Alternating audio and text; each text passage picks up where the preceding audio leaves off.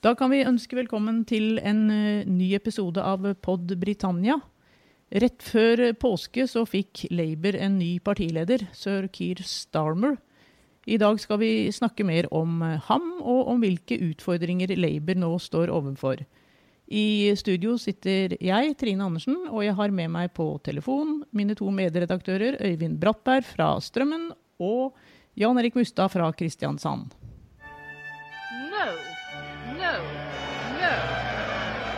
We are asking is for a very large amount of our own money back. The choice is in your hands.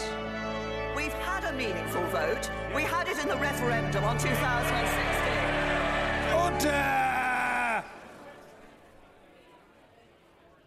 Øyvind, det er liksom du som er Labour-eksperten vår. Og sir Keir Starmer, kan du, kan du si litt mer om eh, hva slags eh, bakgrunn han har? Det er lett å, å lande litt i Falle litt ned på klisjeer når man snakker om en, en eh, politiker som, som Keir Starmer, som synes å være en veldig sånn eh, dyktig, profesjonell karriereperson som bare har falt inn i politikken, og som, som eh, søker en, en, ny karriere nærmest i, i godt voksen alder. Eh, han, er, eh, han, er, jurist og har en lang fartstid bak seg, eh, både som advokat og som, som statsadvokat. og har bare vært parlamentsmedlem siden 2015 eh, og er godt oppe i 50-årene. Så alt dette stemmer så langt med en, en, eh, med en helt annen profesjonell bakgrunn, som har blitt en del av politikken i senere år.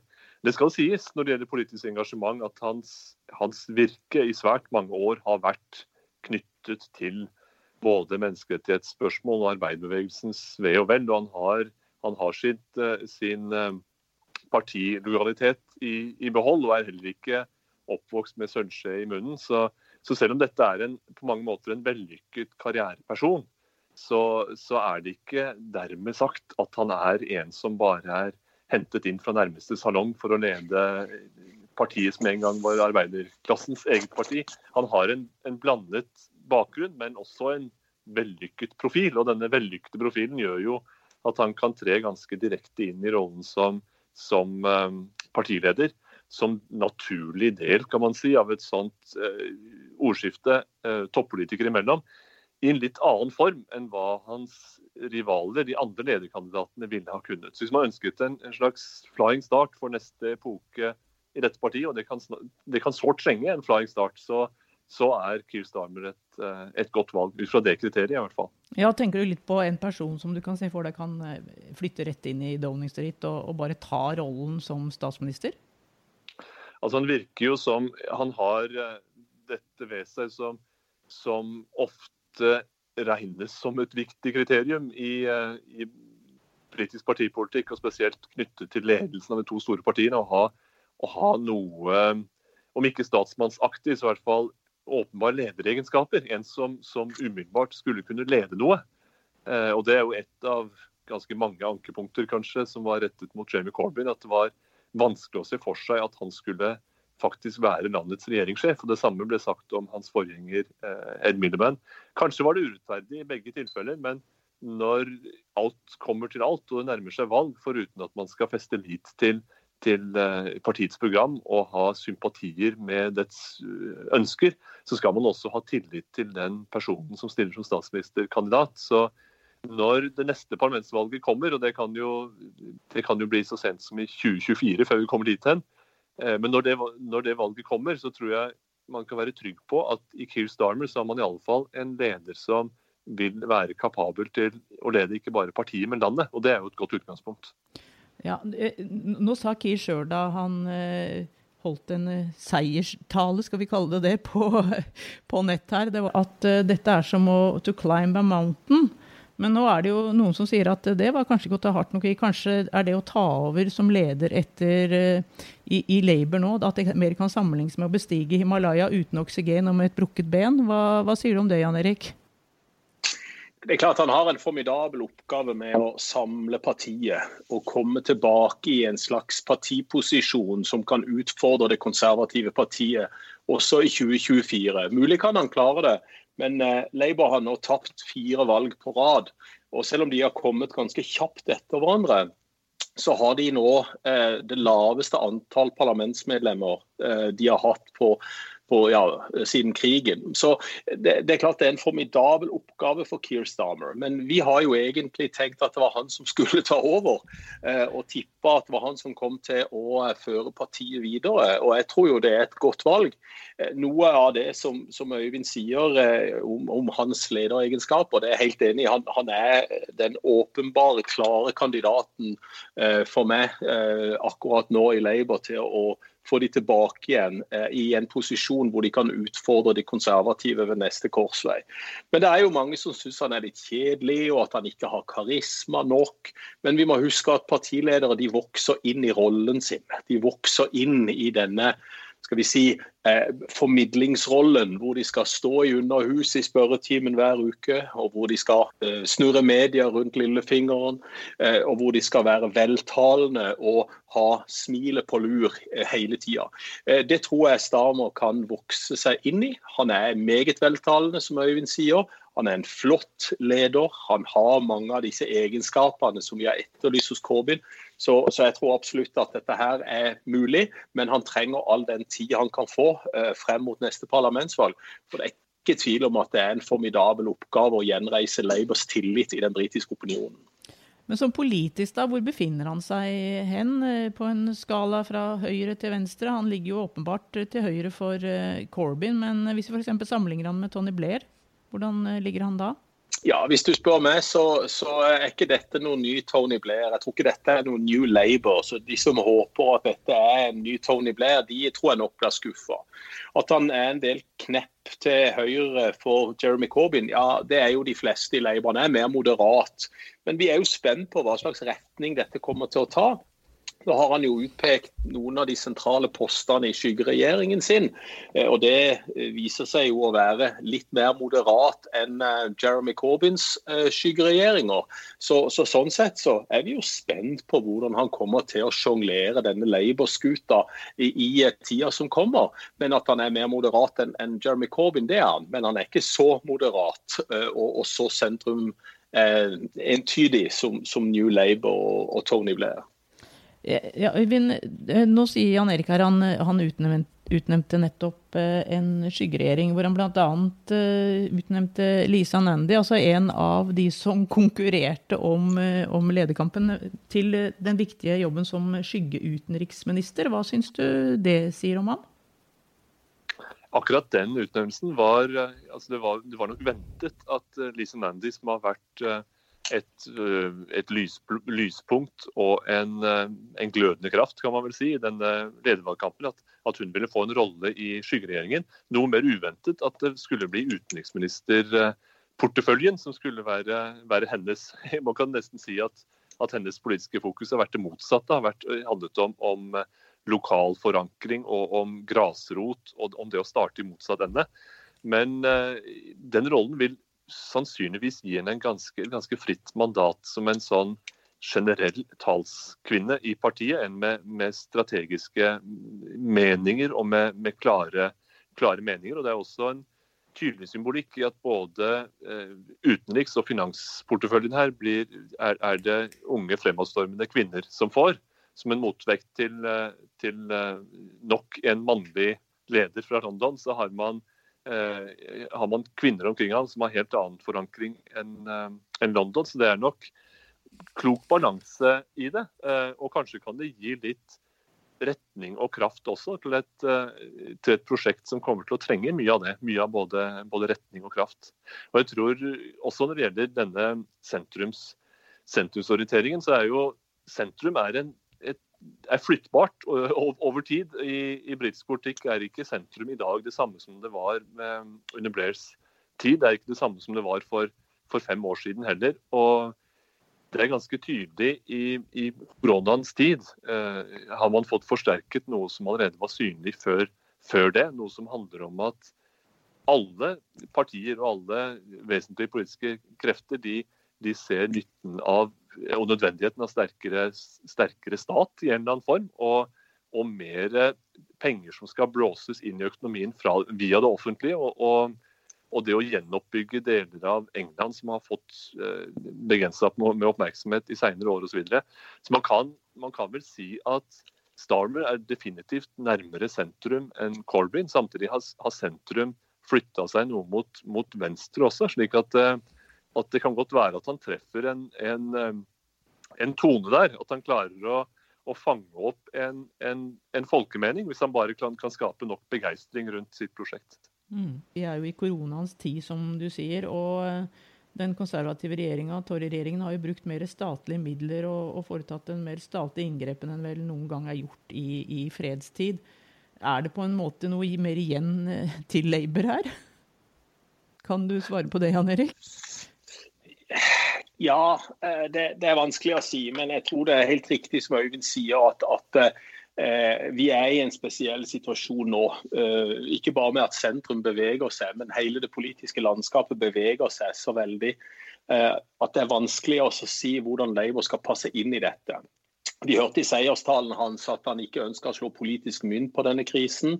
Eh, han ønsker å støtte opp om regjeringens tiltak og øve opposisjon eh, der det er nødvendig å øve opposisjon. Eh, så Det er klart det er en vanskelig balansegang dette her når det er sånne situasjoner som vi har nå. Å plassere seg politisk på den politiske aksen. Rett og slett fordi at høyre, og venstre sentrum er ikke, er ikke, er ikke, er ikke Eh, konstante elementer eh, i politikken, og iallfall ikke nå når, når, situasjonen er som den er. Eh, så nå tror jeg at vi skal la det gå litt grann, tid før vi ser hvordan han plasserer seg. Men, men foreløpig, så med utnevningen av dette skyggekabinettet, så, så, ser det ut som han legger seg litt ned mot det sentrum som vi iallfall kjenner igjen Eh, fra 2019, for å si det sånn, eh, som, som er flere eh, knepp mot, mot sentrum i forhold til Jeremy Corbyn. Og Det er jo noe av det som har vært Kier Starmers styrke, syns jeg. Han har ikke kritisert Corbyn, han har ikke kritisert partimanifestet sånn åpenlyst i, i veldig stor grad, som kom ved valget i, i desember. Eh, han har hatt muligheten til å se begge veier. Han har sjonglert sin egen situasjon og sin egen posisjon i partiet eh, på en god måte. Han må se til venstresida, han må se til høyresida, han må se til sentrum. Fordi at han da skal samle partiet. Og det vet alle i partiet at han er nødt til hvis de skal kunne klare å stå imot de konservative ved neste valg. Ja, og vi skal vel kanskje nevne her, Det gjorde vi ikke til å begynne med at Kirstame ble jo valgt da faktisk i, i, første valgomgang og fikk 56% av stemmene. Det må jo gjøre at han uh, føler seg langt tryggere og har et mye større mandat fra partiet enn, enn om, det ville, om, det måtte gå flere valgomganger og det var jevnt. Det var jo veldig, et veldig klart resultat. Øyvind? Det var et uh, klart resultat. Han har jo også parlamentsgruppa med seg fra første stund, i en helt annen grad enn hva Jeremy Corbyn hadde da han innledet sitt virke i, i 2015. Er ikke, nå er det ikke eh, noen dyp og uforsonlig splittelse mellom grasrot og parlamentsgruppe, slik det var den gang. Corbyn hadde mye av fotfolket, spesielt nye partimedlemmer og en sånn massemobilisering i ryggen, men partieliten imot seg. Med Starmer så er det et eh, et, et, nikk og et klapp på skulderen fra begge, begge hold. Ikke noen sånn overstrømmende begeistring fra så mange hold, kanskje, men, men iallfall en, en tillitserklæring og et sted, å, uh, et sted å ta fatt, uten at det skal ligge dype og uforsonlige konflikter foran ham. Så er det jo også fascinerende dette med, med sjonglering. For, for Starmer har jo i det eneste vesentlige verv han har hatt i partiet, var jo som, som eh, skygge-brexit-minister under Corbyn. og da, Der ble han jo vant med en ganske frustrerende form for sjonglering. Eh, sterk EU-tilhenger selv, eh, i spann med andre, inkludert Corbyn, som var meget EU-skeptiske, og som ikke ville gjøre noe om på det man mente var et etablert resultat fra folkeavstemningen. Resultatet ble jo at en, eh, en som Starmer måtte drive en slags intens etterprøving av regjeringas politikk, men uten egentlig å stille spørsmål ved grunnpremisset at man skulle ut av EU. Dvs. Si han kunne vakle litt i det spørsmålet, men ikke egentlig gå dit han egentlig ville. Eh, nå er jo den brexit-diskusjonen på et vis tatt i mål med at, at, ut skal man, ut er man eh, allerede, på et vis. Men eh, forhåpentligvis så klarer han i rollen som opposisjonsleder nå å kunne definere selv hva som er agendaen og hva slags premisser hans uh, argumenter skal hvile på. Eh, for det har nok vært en utakknemlig oppgave å ha den, det, den rollen under Corbyn, i alle fall. Hvis vi ser litt fram, enda litt lenger fram, altså denne koronakrisen må vi jo håpe at en gang tar slutt. Og hva slags utfordringer ser du da at Kier Starmer står overfor, Jan Erik? Hva tror du det blir det første han da kanskje bør gripe fatt i? Nei, Han nevnte jo litt av dette sjøl i, i, eh, talen sin, som, uh, som, var forhåndsopptatt og ble sendt uh, den lørdagen hvor resultatet ble annonsert. Eh, han var jo veldig klar på dette med antisemittisme, som har ridd Labour som en mare i flere år, uten at de har klart å komme til bunns i spørsmålet. og Dette nevnte han spesielt som en viktig oppgave og sørge for at uh, jøder og, og, folk med jødesympatier også kan være medlemmer av Labour og, og stemme på Labour, ikke minst i opinionen. Uh, så, så, dette er jo en del av denne samlinga av partiet uh, som jeg tror er helt nødvendig for å kunne posisjonere seg også politisk etter denne krisen er over. Fordi at han skal bygge eh, ikke bare et nytt team, men han skal bygge en ny politisk plattform.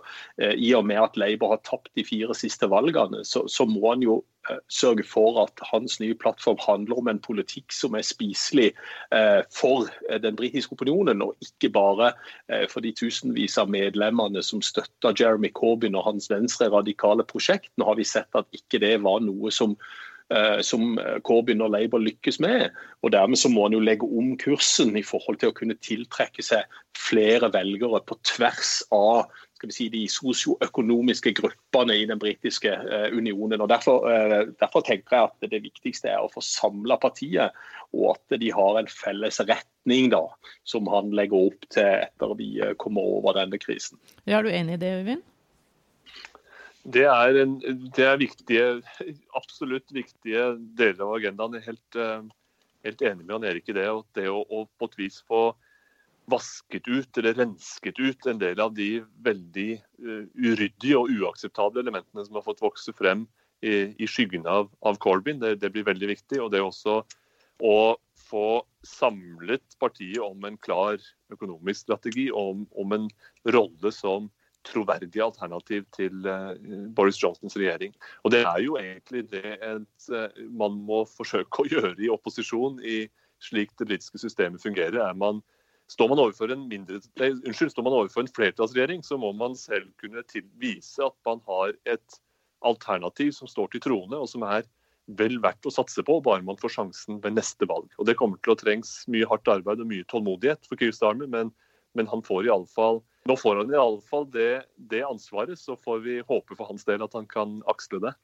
Men Hvordan tror du han klarer å, å, matche Boris Johnson i spørretimen? Det er jo viktig for enhver opposisjonsleder å klare seg i eh, den spørretimen som eh, er i Underhuset hver, hver onsdag. Hvordan eh, tror dere denne kampen, den verbale kampen mellom Kiel Starmer og, og Boris Johnson kommer til å bli? Jan Erik først, kanskje? Nei, Jeg ser for meg med den veltalenheten vi har hørt fra Kier Starmer som skyggebrexit-minister de siste årene, så er jeg overhodet ikke redd for at han skal kunne klare å parere Boris Johnson. Men så er det litt av denne her eh, utadvendtheten, litt av denne vittigheten som vi ser hos Boris Johnson, denne humoren som mange liker ved Boris Johnson, mens mange andre ikke syns er så veldig tiltalende. Eh, han, han, må på en måte parere dette også. Eh, og Det er jo det jeg nevnte litt tidligere her, at det er en del av hans formidlingsevne som jeg håper han vokser seg inn i når han blir varm i trøya og også kan bli litt løs og ledig i snippen, for det, for det trengs. Eh, uten sammenligning for øvrig så husker vi jo Tony Blair kom inn i Underhuset veldig ofte uten denne røde permen som alle statsministrene har med seg inn, hvor alle spørsmålene er på en måte feila på forhånd. Og eh, Mange av de eh, statsministrene har jo skrevet ned svarene. Blair hadde jo aldri det, og, og Blair kunne jo ta disse på, på strak arm som regel. Eh, og Det kan godt være at Kier Starmer kommer i en posisjon hvor, hvor, hvor han er fortrolig med å, å, kunne opponere mot uh, Boris Johnson i, i spørretimen. Og, og eh, Språket hans, prosaen hans, veltalenheten hans, det, det, er noe som taler til hans fordel. Uh, og uh, ikke minst at han er veldig god på politisk innhold. Det har vi jo sett som brexit-skyggeminister. Han, han, kan jo ting. Uh, og, Det tror jeg kan være viktig nå i, i, i denne rollen som, som, opposisjonsleder mot Boris Johnson, som har blitt anklaga for å, å, fare med, med lemfeldigheter, med, med, med, løgn og fanteri til tider, usannheter. Så, så, så, tror jeg jo at absolutt spørretimen kan være et sted å skinne for Keir Starmer etter hvert som vi kommer i gang med det igjen. Ja, Tror du han kommer til å skinne i spørretimen, Øyvind? Han er jo eh, skolert i juridisk argumentasjon, og med et, med et blikk for eh, detaljer og presisjon, som, som Jan Erik er inne på. Det, er jo, det kan jo være et, et slags korrektiv det til Boris Johnsons framferd, som ofte har litt, han har ofte litt løsere forhold til, eh, til detaljnivå og, og, og, den slags. Så de kan, de kan stå til hverandre på, på den måten. Jeg tror også man vil få en, en rimelig eh, fredsommelig form for utveksling. Da har det vært ganske mange former for altså ganske mange samspill mellom statsminister og opposisjonsleder i senere år som har hatt noe djupt konfliktorientert over seg. Gordon Brown mot, mot David Cameron var av den sorten. David Cameron mot Eddie Miliband. Eh, Theresa May mot, mot både, både, den ene og den andre. Iallfall mot, mot Corbyn. Og det har det har vært mye agg som har sittet i den, eh, i, i, i, den um, utvekslingen mellom statsminister og opposisjonsleder. Nå tror jeg det blir noe mer substans, uh, og så får vi håpe at det blir humor og, og engasjement over det også.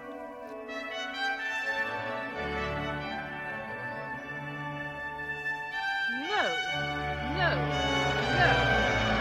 What we are asking is for a very large amount of our own money back. The choice is in your hands. Vote. We had it in the referendum on 2016. Order!